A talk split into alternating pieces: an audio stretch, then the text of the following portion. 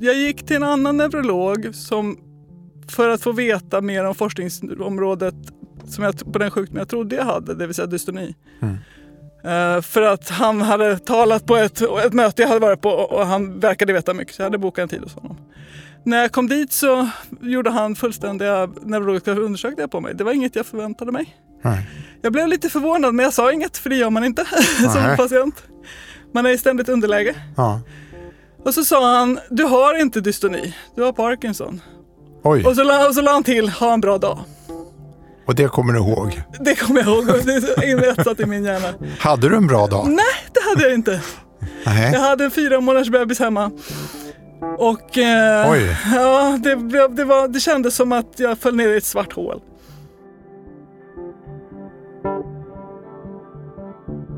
Du träffar din läkare kanske bara en gång om året.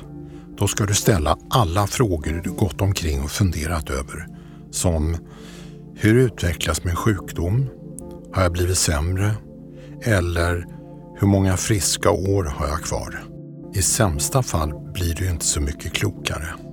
Utan du får gå hem med din oro och vänta till nästa besök om ett år. Så var det för miljöingenjören Sara Riggare som fick Parkinsons sjukdom när hon bara var 32 år. Men istället för att vara beroende av sin läkare tog hon makten över sin egen sjukdom. Och nu ska hon doktorera med sig själv som försöksperson. Jag heter Henrik Fränkel och jag fick påsken 2019 diagnosen lindrig minnesstörning. Och jag vill med den här poddserien göra en upptäcktsfärd in i vår tids kanske mest ökända och stigmatiserade sjukdom. Jag ska träffa människor som kan hjälpa mig att förstå den sjukdom som drabbar 20 000 svenskar varje år, som har funnits i över 100 år och som ingen överlever.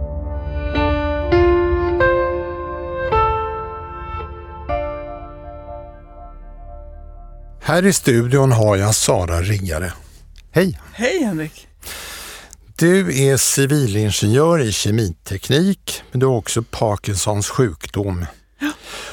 Och så har du myntat begreppet spetspatient, det vill säga att man som patient skaffar sig djup kunskap om och tar makten över sin egen sjukdom.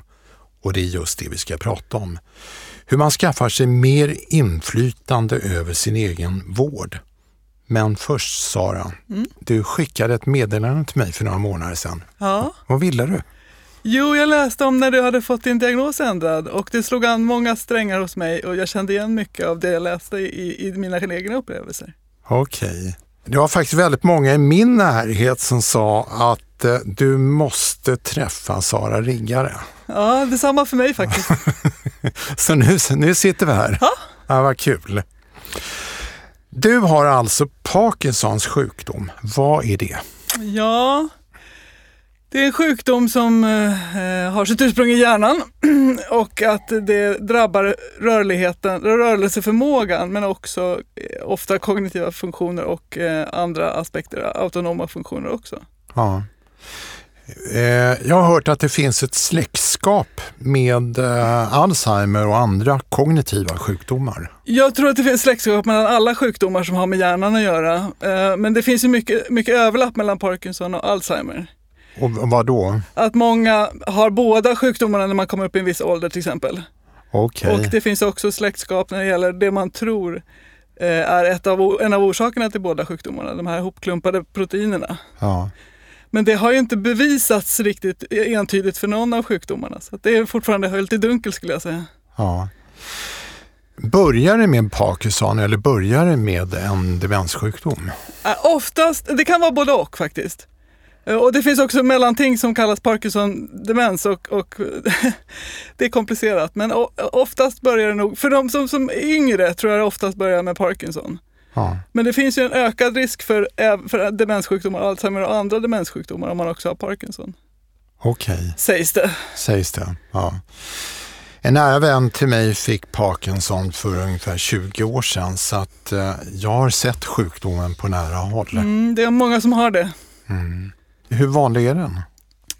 Den är eh, vanligare i äldre åldrar. Ja. Eh, den är, eh, på en befolkning är den inte särskilt vanlig, men eftersom den, den är den näst vanligaste neurodegenerativa sjukdomen i världen efter Alzheimer just. Mm. Och det sägs att det finns ungefär 22 000 personer i Sverige med, med Parkinson. Eh, och då finns det 160 000 som har Alzheimer, tror jag. Mm.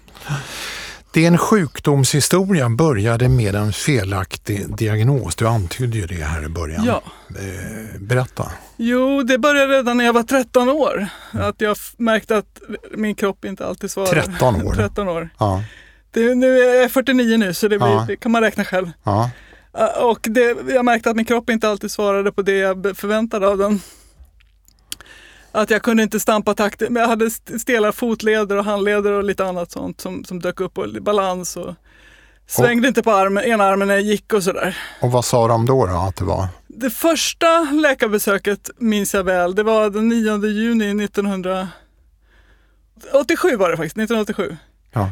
Och det, då, den läkaren, den neurologen sa till mig att det var inget fel på mig. Allt var helt psykosomatiskt. Okej, och sen då? Men han skrev inte det i journalen. I journalen skrev han eventuellt en hereditär dystoni. Och vad är det då? Det, dystoni är en sjukdom som, förutom att det också är ett Parkinson-symptom faktiskt, det, har, det är också en grupp sjukdomar i sig med, som har med felaktig muskeltonus att göra. Så det är som Mm. kramp, krampar i musklerna med upprepade rörelser. Och det hade jag ju. Ja. Eh, Men han, han berättade inte det för mig. Och så här i efterhand kan jag tycka att han gjorde rätt som inte berättade det för mig då. Vad hade hänt då? då? Eh, om, eller snarare, jag är glad att jag inte fick Parkinson-diagnosen i tonåren. För Eh, att? För att om jag hade fått en diagnos av en sjuk, för en sjukdom som så väldigt tydligt förknippas med äldre så hade, är det nog mycket jag inte hade gjort i livet. Typ vad då? Skaffat barn, pluggat, tagit körkort, mycket sånt tror jag. Ja. Utan nu fick du en mildare. Ja, den Eh. fick jag några år senare då, den här dystonidiagnosen, när jag kom tillbaka till honom efter några år. Några år. Och så levde, levde du med den och vad tänkte du då? Det var eh, både, alltså det var ju bra att få erkännandet att det faktiskt var något som var fel. För när jag gick därifrån första gången så kände jag ju vä- väldigt misstrodd och miss, missförstådd. Mm. Men samtidigt var det svårt att ha någonting som jag inte visste hur jag skulle förklara. Mm. Det var en sjukdom som ingen visste riktigt vad det var, ingen hade hört talas om och ingen visste vad man kunde göra åt den. Mm. Det här var innan internet, det här var ju på 80-talet så det var ju också en sätt att, det var ju svårt att hitta information också. Mm. Så jag, jag var mycket i biblioteket och läste läkarböcker i biblioteket och lä- försökte leta information på det Mm. sättet. Och sen eh, gick det ett antal år och sen helt plötsligt så ändrades diagnosen. Vad var Ja. det som hände då? då? Jag gick till en annan neurolog som för att få veta mer om forskningsområdet som jag, på den sjukdom jag trodde jag hade, det vill säga dystoni. Mm.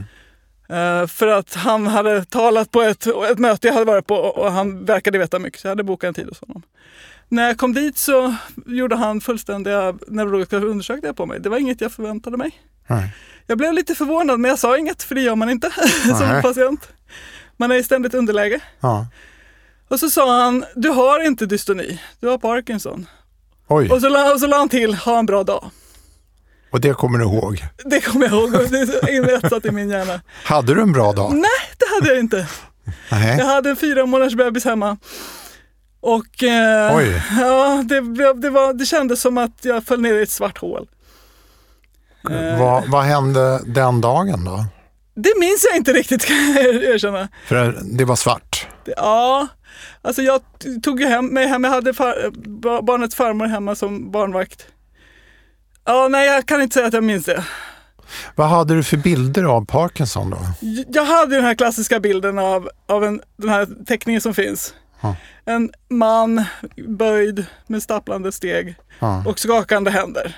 Ja. Och jag hade ju inget av det Nej. då. Jag Nej. var 32 år och eh, ja. En tanke som flög genom huvudet var, ska jag sluta gå nu när min, mitt barn ska börja lära sig? Jaha. För att fortfarande i, ännu denna dag, 18 år senare, så, så um, får många med Parkinson höra du har Parkinson om fem år, sitter du i rullstol? Ja. Och det är klart, det blir lätt en självuppfyllande profetia. Ja. Men eh, Parkinson och 32 år, det går inte ihop i mitt huvud. Ännu mindre 13 år då, om man tänker Nej. när det faktiskt började. Ja. Det är ovanligt men inte helt unikt. För att, Jag känner en kille i England som fick diagnosen när han var nio. Parkinson-diagnos. Han är 52 nu. och egentligen så hade du Parkinson hela vägen. Ja, det var det som var symptomen från början. Ja. Eh, Men det märkliga är ju att före och efter att han sa det där, den där neurologen, Ja. det var ju inget som hade ändrats. Symptomen var exakt de samma. Ja. Min, min framtidsbild var ju densamma, för det, det ändras ju inte av, att, av det. Men, men min inställning blev helt annorlunda. Och det är intressant vilken inställning vi har. Hur, hur vår inställning av sjukdomar formar hur vi hanterar dem. Men vad tänkte du då om din framtid? Ja, jag tänkte nog att det här kommer sluta illa. jag tänkte nog att Vad det, betyder illa? nej, det är ingen som överlever livet i och för sig, men jag tänkte nog att det skulle bli väldigt mycket besvärligare än jag hade förväntat mig. Även om jag redan visste att någonting var fel med min kropp, så jag hade ju inte särskilt Det är ju inte så att jag hade sett framför mig guld och gröna skogar och dans på gröna ängar med, alltså så. För det, det visste jag att min kropp var- var inte som, som andras. Hur funkar. reagerar din man när du kom hem? Han, han är ganska lugn av sig så han, han, han visste ju redan att det var något som var fel så han, han tog det ganska lugnt. Han, han, han ser det som att vi löser det som kommer. Det gör han fortfarande, han har alltid gjort. Det är väldigt tryggt. Men du började läsa på. Ja. Och då, då, då tänker jag så här, varför läsa på? Det är väl bara att prata med sin läkare. Ja, man har ju inte så lång tid hos läkaren. Och den här läkaren som gav mig diagnosen, han, han, honom hade jag ju inte, det var ju inte tänkt att jag skulle gå till honom något mer. Men jag gick tillbaka till min ordinarie neurolog, Ja, som jag faktiskt fortfarande går hos 25 år, över 25 år senare. ja. Och sa det här till honom och då tog han sig en funderare och tänkte ja men det kan nog stämma. Och så skickade han mig på en, en speciell röntgen som man kan göra, eller en, en undersökning. ja. För att bekräfta det då. Och så minns jag att han sa lite syrligt. Det borde den här andra neurologen ha gjort för han doktorerade ju faktiskt på det. Aha. Så det var lite sådär eh, prestige mellan dem också tydligen. ja. Det är så, Ja, har jag förstått. ja jag vet. Ja. Men du bestämde dig för att bli expert på din egen sjukdom. Varför det? Alltså det, det var inte på en gång jag gjorde det. Eh, Det tog några år för mig att hämta mig. Mm. Och i den resan så var det faktiskt konstigt nog en fördel att ha en liten bebis hemma som behövde mig. För att jag var tvungen att se bortom mig själv och ta hand om bebisen. Ja. Men några år senare så, så började jag liksom agera i det här. Ja.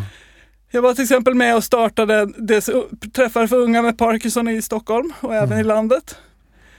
Och sen med tiden lärde jag mig mer och mer och då bestämde jag mig sen till slut för att jag ville fördjupa mig ännu mer i det här. Men vad säger läkarna om en patient som börjar plugga på? Det är väldigt olika. Min neurolog då, som jag fortfarande går som Ja. sagt, han är, väl, han är ju positiv till det här. Ja. Men rent allmänt? Det är väldigt olika. Jag skulle säga att det, har, det går åt rätt håll.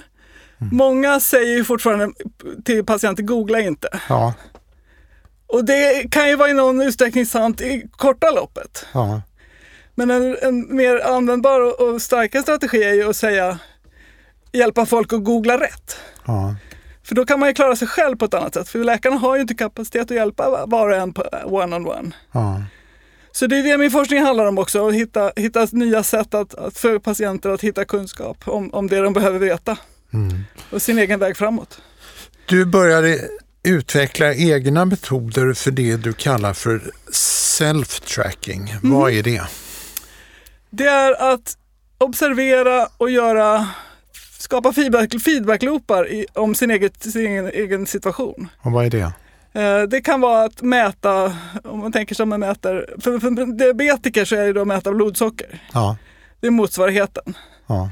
Men i hjärnsjukdomar finns det ju inte riktigt något sånt, så då får man Ja. hitta andra sätt att mäta det på. Och det kan vara att mäta puls för att hitta rätt sätt att träna. Det kan vara att mäta steg för att se att man får bra aktivitet. Det kan vara alla möjliga, mäta sömn för att se att, att den är eh, inom rätt rimliga gränser. Eller framförallt se över tid hur det förändras. Om det förändras. Och varför var det så viktigt för dig? Ja, det var det inte från början, men det, det visade sig vara ett väldigt stark, eh, starkt verktyg för, att, för mig att förstå min situation djupare och kunna föra mer insatta diskussioner med min läkare. Okej. Och han uppmuntrade mig inte aktivt, men han avfärdade mig heller inte. Så då, då, eftersom jag märkte att det gjorde nytta för mig så fortsatte jag. Och sen började du mäta medicinens effekt också? Ja, jag tar ju mycket mediciner för det gör man i Parkinson. Och så, då började jag fundera på hur, hur varierar den här effekten över dagen? För det märkte jag att den gjorde. Mm-hmm. Så jag ville hitta sätt att objektivt mäta det på, på ett bättre sätt. Då blev jag inspirerad av en eh, doktorsavhandling som hade försvarats 2011 eller något. 2011 i, i december. Där man hade använt fingerfärdighet. En tjänst där man hade en, en sån här föregångare till, till smartphones. Mm. Så digital eh, anteckningsbok. Mm. Som man använde och knackade på med fingret för att se hur snabbt man kunde, hur många, hur många knackningar man kunde göra på en viss tid. Mm. Och det var ett mått på hur snabb man var i fingrarna och det är också ett mått på medicineffekt i Parkinson. Så du började knacka på, på den där? Nej, jag, jag tog min smartphone. Jag hittade en app som man kunde använda. Som ja. för, egentligen var den gjord för att tävla mellan personer som, för att se vem som var snabbast. Ja. Men jag använde den för då att hitta mina variationer över dagen. Och vad fann du då? Jag hittade att den det varierar över dagen med, med mina medicinintag. Lite upp och ner, sig, mm. dalar och, och berg. Men framförallt så fann jag att det, varier, det fanns en dipp före lunch. Mm. Där funktionen gick ner ganska markant. Mm. Och den hade jag inte kunnat hitta om jag inte hade mätt det här objektivt. Inget man kan känna sig till den här dippen och komma ihåg. För, för men vet inte, inte läkarna det då? Att det varierar, ja, men de vet inte hur det varierar. För det finns inga sätt att mäta det på, på ett konstruktivt sätt.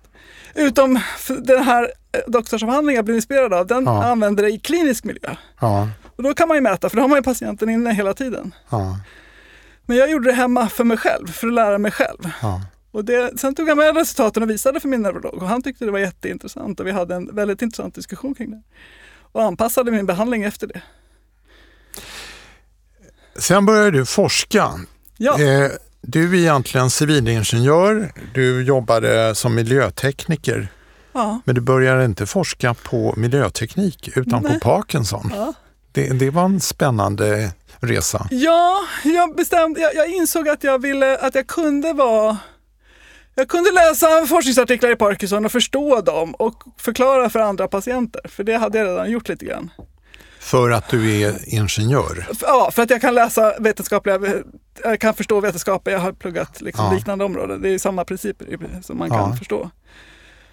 Och jag förstod att jag kunde göra det mer, eller jag ville göra det mer. Och då, då tänkte jag, men om man ska bli tagen på allvar av forskare måste man ju vara forskare själv. Och så tänkte jag, och det är jag ju inte, så det var ju synd. Ja. Och då sa min man, men då kan du väl bli det då? Okej. Okay. Nej, sa jag, det, det går väl inte. Ja. Och sen tänkte jag efter, jo det kanske går. Och då insåg jag att jag behövde skapa mig lite mer kunskap om, om den här medicinvärlden då som jag inte ja. hade, kände till. Och då sökte jag mig till KI, Karolinska institutet och hittade där ett, ett masterprogram i hälsoinformatik. Som startade den hösten. Vad tyckte de om att du som patient kom in och började forska? Eh, de blev nog lite förvånade först. Det Aha. var första året det programmet gick. Ja. Och de hade sökt, de ville ha hälften med medicinsk bakgrund och hälften med teknisk bakgrund. Ja. Och jag slank in på min, mina matematikpoäng från KTH. Ja. För de hade liksom nästan, de hade tänkt teknisk bakgrund hade de tänkt sig framförallt dataprogrammerare, systemvetare, den ja. biten, inte miljökonsulter, miljöingenjörer. Men jag, jag var ju kvalificerad så jag fick komma in. Och, men du var ju patient också. Ja, men det, det hade de inget, inget exklusionskriterium för, så det, det, gick bra ändå. Nej, men vad tyckte de om det? Det var nog lite konstigt från början. Därför allt de sa där handlade om dig egentligen. På något sätt. Ja, det uppfriskande är att just hälsoinformatik eller det, forskning kring e-hälsa är i, i grunden rätt användarcentrerat. Ja. Och användare kan ju vara både vårdpersonal och patienter. Aha. Så där, där var man lite mer öppen för det kanske än andra delar av ja. medicinen. Och vad exakt ville du forska kring? Ja, det visste jag ju inte då när jag började. Mm. Men jag insåg senare att jag ville forska kring, jag kallar det för digital egenvård. Okej. Okay. Det vill säga utveckla modeller för hur jag, det jag själv har gjort med att söka på internet och hitta information och använda den i min vardag. Ja. Och kanske framförallt det som skiljer mest är att jag tittar på individer istället för grupper. Mm. För den mesta, nästan all medicinsk forskning handlar ju om, om gruppnivå. Mm. medelvärden och eh, hur de kan variera för, av en behandling. Mm. Men jag vill titta på hur kan individer mäta sig själva och förbättra sin egen Mm. situation. Vi ska fortsätta prata om, eh, om din resa, din forskningsresa, men vi ska göra ett kort avbrott för ett litet samtal med Liselott Jansson, generalsekreterare på Alzheimerfonden.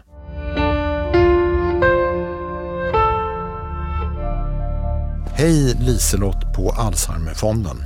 Hej Henrik. Jag är stolt ambassadör för er.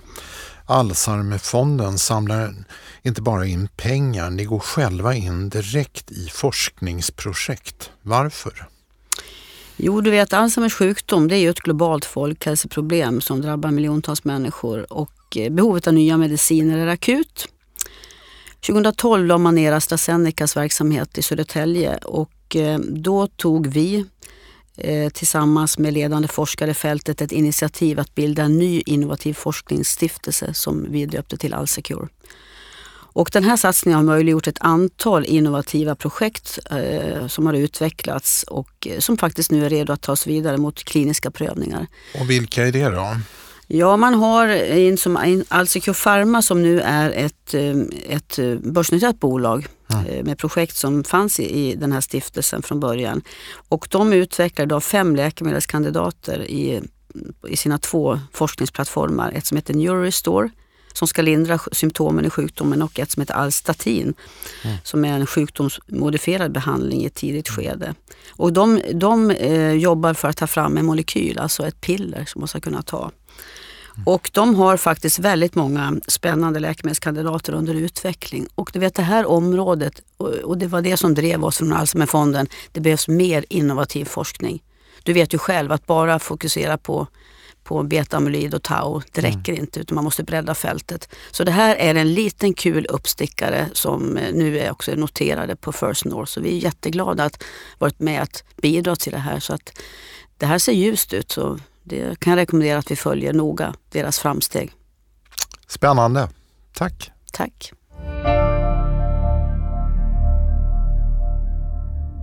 Nu är vi tillbaka till Sara Riggare som doktorerar i patientens eget inflytande över sin sjukdom kan man säga.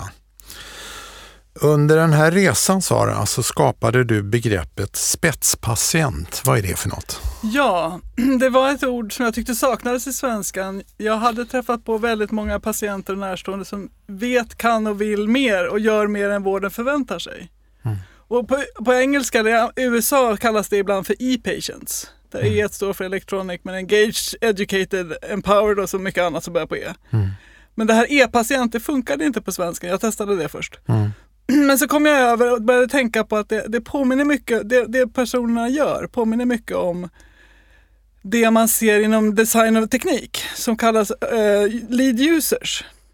Det är personer som hittar ett behov som de har själva och som utvecklar nya lösningar baserat på det behovet som andra sen kan använda. Mm. Till exempel mountainbike-rörelsen kom, kommer ut ur en sån lead user. Och då funderar jag på vad heter då lead user på svenska och då heter det spetsanvändare. Okej, Och då bytte jag användare mot patient och så var ordet fött. wow. Och eh, det där eh, ordet har blivit etablerat har jag förstått. Ja, och det vet, vet man ju inte då. Men det, det fanns tydligen ett behov för det. Så det är många som använder det både inom vården och inom patientkretsar och även på policynivå på många ställen och Och myndigheter. har det hamnat i Svenska Akademins nyordslista också. Det stämmer, ja det är väldigt roligt. Och sen blev du 2018 utsedd till Årets medicinsvensk av tidningen Fokus. Jag ska läsa upp motiveringen. Hon använder sin kunskap för att sätta makt i händerna på patienter, inklusive sig själv i sin roll som Parkinson-drabbad. Fin formulering. Ja, det var väldigt, väldigt roligt och väldigt oväntat. Ja, Blev väldigt glad för det. Det sitter på väggen hemma av diplomet. wow. Mm. Hur ser du på patientens roll framöver? Jag ser det som att det finns stora möjligheter och jag tycker att det verkar som att det har lossnat lite mer i systemet också, även om det fortfarande finns mycket motstånd. Eh, och jag, det, det är ju allt, allt god, det är liksom med god intention som motståndet finns. Man tänker att patienten inte ska behöva göra de här sakerna. Ja, För att vården vet ju redan vad som är bäst. ja. Men det är ju inte så det funkar. Vi ändrar ju inte beteende för att någon säger åt oss att göra det, utan vi gör det för att vi, vi har upptäckt någonting själva. Men blir det inte jobbigt för läkarna att eh, det kommer in en jämbördig part där in i rummet? Det kan det vara för, för många tror jag, men eh, de som har de omvända, Ja. de säger att det är roligare att jobba med kunniga patienter. Det ger mycket mer motivation och de lär sig mer i sitt arbete. Men traditionellt sett så ska ju patienten vara ett offer. Ja, men det behöver man inte- inte vara. Det kan man ju välja att inte vara, eller hur? Det gör ju du också.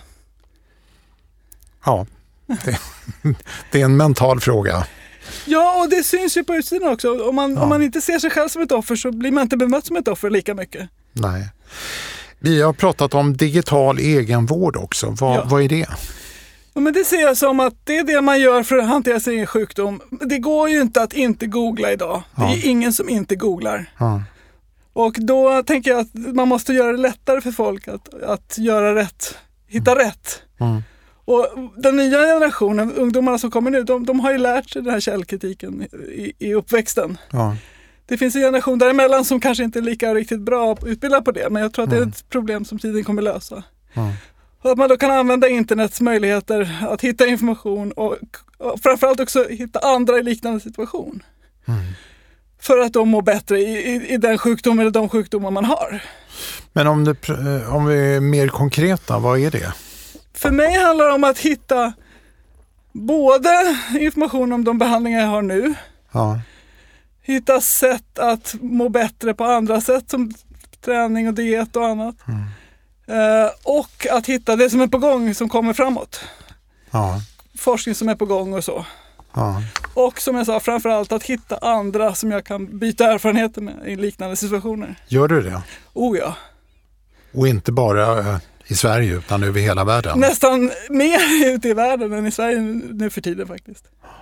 Men det, är- det är det som är lite häftigt att eh, du finns som replika över hela världen. ja, kanske det. Nej men jag menar att det finns andra människor som, som tänker och tycker och känner som du också. Det gör det absolut. Eh, och, och det må, vi lär av varandra hela tiden. Och där jag egentligen har lärt mig mest och där jag känner mig minst Ja, Parkinson-drabbad, för att koppla till den, det, det, det ordet som inte är särskilt ja. tilltalande, är inom Quantified Self-rörelsen, där self-tracking-rörelsen. Där man inte egentligen har sjukdomar i fokus, utan, utan vad man kan göra åt sin situation. Vad sa du? Qualified self? Qu- Quantified Self. Quantified self? Det, det mätande jaget. Och det bygger ju på all den här tekniken som man ha, har möj, möjligheterna nu i, i mobiltelefoner. Men Mm. framförallt handlar det om vad man kan lära sig med, med hjälp av tekniken, inte, inte Mm. för teknik för teknikens skull. Det finns ju också begrepp som personal science. Vad, Ja. vad är det? Det är egentligen vetenskapen kring Quantified Self. Så det, det har kommit ur Quantified Self-rörelsens eh, mångåriga eh, praktik. Ja. Och det handlar om att hitta kompletterande sätt till, för individen att, att, att, göra, en- ja, göra kunskap av sina observationer och sina, sina mätningar. Men tycker du att forskarna tar, drar nytta av oss patienter nej, och vår egen kunskap? nej, nej. Vi ses oftast framförallt som datageneratorer. Vadå? Och att vi är de som genererar data i studier istället för att vara aktiva deltagare. Ja. Vi ses som passiva eh, ja, producenter av data som de kan använda för att studera det de har bestämt sig själva för att studera. Alltså jag märker det själv med, med eh, Alzheimer. Eh, och det är ju att, eh, som, eller med kognitiva sjukdomar, eller som jag har, kognitiv svikt. Man blir borträknad Ja, det blir i man och ju. med diagnosen. I Ja. princip omyndigförklarad. Ja, jag känner Och sen- igen det. Och sen börjar läkaren prata med de anhöriga istället. Ja, förmodligen mer så i, i Alzheimer än i Parkinson. Men jag tror att i traditionell Parkinson som man får när man är äldre, kanske över 75 eller 65 i alla fall, Ja. så tror jag det är, mycket, det är så mycket. Men det här innebär ju också att på något sätt läkarens makt kommer att av, avta till förmån för patienten. Kommer Ja, inte läkaren kämpa om den vita rockens makt? det tror jag vissa gör och systemet som sånt gör ju det får man säga. Det finns eh, de som talar om vårdsystemets immunförsvar. Ja, som då håller sig, vill hålla sig så levande som möjligt med den makt man har. Ja. Men man kan ju också se, då slå ner på de hot som den ser komma som aktiva patienter och annat. Ja. Men man kan ju också se det som att, vi pratar om ordet empowerment på Ja. engelska. Så power på engelska kan ju betyda både makt och kraft på svenska. Ja. Så jag tycker inte om att prata om makt i de här, i de här sammanhangen, jag pratar mer om kraft. Mm. Och när makt är ett nollsummespel så är kraft mer, mer genererbart. Och det borde forskare och läkare förstå. Det tycker jag. Men de har följt upp med sitt. Ja, men jag vet att vårdsystemet är väldigt pressat, särskilt nu under, under Ja. pandemin. Så de hinner inte med att tänka och reflektera så mycket på de här frågorna tror jag. Så där behöver vi nog hjälpa dem lite. Du ska ju göra det också. Du eh, ska ju doktorera. Hur Ja. går det? Nu går det rätt bra igen faktiskt. Ja. Jag har eh, fått en möjlighet att göra klart i Nederländerna. Och varför där? Eh, det finns en, en av världens mest patientcentrerade Parkinson-neurologer som heter Bas Bloom. Han har för övrigt ett TEDx-talk som heter From God to Guide som är värt att se. Okej. Där han pratar om hur läkaren måste gå från att vara en gud till att vara en guide i, i sammanhanget med Mm. patienten. Han, gav, han erbjöd mig att komma dit och göra klart med det, med det arbete jag har gjort hittills. Wow. Ja, Så, är när roligt. blir du klar? Förhoppningsvis senare i år eller tidigt 2021. Och sen blir du doktor Ja, och får hatt. patienten som blev doktor. Det är Ja, väl en given eh, titel på den artikeln. Ja, det kommer nog skrivas om det. Men vad ska du göra då? då? Ja, det, det, jag tänker fortsätta med det jag redan gör. Eh, Forska? Ja, alltså jag forskar inte för forskningens skull, utan jag forskar för att använda den till något. Mm. Och jag tänker att det, det som är min styrka i det här är nog att kunna se de här stora perspektiven. Ja. Så jag tänker mig att jag ska fortsätta forska på dels personal science Mm. och dels det, jag, det vi kallar patientdriven forskning som ju är det jag gör också i och med att jag är patient och driver egen forskning utifrån mina egna erfarenheter. Ja. Så jag hoppas kunna kombinera det på något sätt med, med också undervisa lite gärna och eh, fortsätta med min aktivism. För det är viktigt också för att förändra det vi, det vi ser är fel. Häftigt. Mm. Du sitter ju här två meter ifrån mig och jag kan ju se att du är lite märkt av eh, din sjukdom, av, av Parkinson. Hur mår du? Absolut. Hur mår du? Ja, men jag mår bra under omständigheterna. Jag går med en rullator när jag går ute på stan. Hur känns det? Eh, förvånansvärt icke-komplicerat. Okej. För att eh, det är mindre stigmatiserande än jag trodde det skulle vara och det tror jag beror på att det var mitt eget beslut. Ja. Jag insåg att det skulle vara lättare och att jag förtjänade att testa det med öppna ögon. Ja. Och eh, det ger mig så mycket mer än vad det kostar. Eh, jag går mer upprätt, jag får mindre ont i ryggen i och med att jag tidigare gick jag med käpp och då, då var det mer eh, sned, snedbelastning. Ja. Jag orkar gå längre sträckor, mycket, mycket längre sträckor med rullatorn för jag går mer på rätt sätt. Ja. Och jag behöver inte vara så rädd för att ramla som jag var innan. Ja. Så det, för mig är det en, en klar vinst. Eh, Alltså, vi som hör dig i det här samtalet hör ju att du är en eh, intellektuell person med djup kunskap. Blir det här med rullator, gör det att det skapas fördomar runt dig? Absolut. Eller, Vadå? Jag, jag har själv gjort mig skyldig till de fördomarna. Att man tänker att någon som går med rullator kan ju inte vara kognitivt helt där. Vad tänker du om din egen framtid när du tänker på den? jag tänker att det, det visar sig. Okej. Det har gått ganska bra hittills de senaste 35 åren. Jag har fått uppleva mycket, mycket mer än jag någonsin kunde drömt om. Och, och det är tack vare mycket att jag har det skyddsnät jag har. Både i min närmaste familj och i min, hos min, min neurolog. Ja. I och med att jag vet att jag kan få den hjälp jag behöver när jag behöver den. Så vågar jag ta ut svängarna mer än vad jag skulle gjort annars. Okej. Om jag inte hade vågat ha sprungit från en ganska trygg och säker eh, karriär som miljökonsult till det jag gör nu så är det så mycket jag inte skulle upplevt. Men du tränar till exempel? Ja, Ja. det måste man göra. Jag har sett bilder på dig där du kickboxar. Nej, boxas, vanlig Boxas. boxning. Ja. Och, och det, är inte, det är inte boxning utan det är boxningsträning. Ja. Uh, ja, det stämmer. Jag var med och startade upp Parkinson-boxning i Sverige. Jaha, mm. Men man tänker så här att Parkinson och boxning går inte riktigt ihop. Nej, det tänker man ju då med slag mot huvudet och så. Ja. Men boxningsträningen är ju, är ju en annan sak. Att man inte, man inte slår mot varandra, liksom, man slår på säckar. Ja. Uh, mm. uh, du trodde ju att livet var slut när du fick din diagnos kastad i ansiktet. Ja, det trodde man ju. Det är så det funkar. Men så blev det inte. Nej, nu är det nästan 20 år senare och livet är långt ifrån slut. Tack Sara för att du ville komma och eh, lycka till med din doktorsexamen. Tack för att jag fick komma. Tack ja. så mycket, det var väldigt intressant. Mm. Och tack till alla ni som har lyssnat.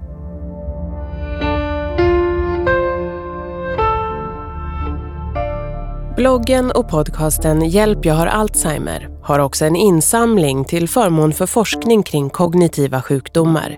Ni hittar den på alzheimerfonden.se. Insamlingen stöds av Hemfrids RUT-tjänst Vardagsomsorg, en tjänst som förenklar vardagen för äldre och deras anhöriga. Gå in på hemfrid.se så får du veta mer.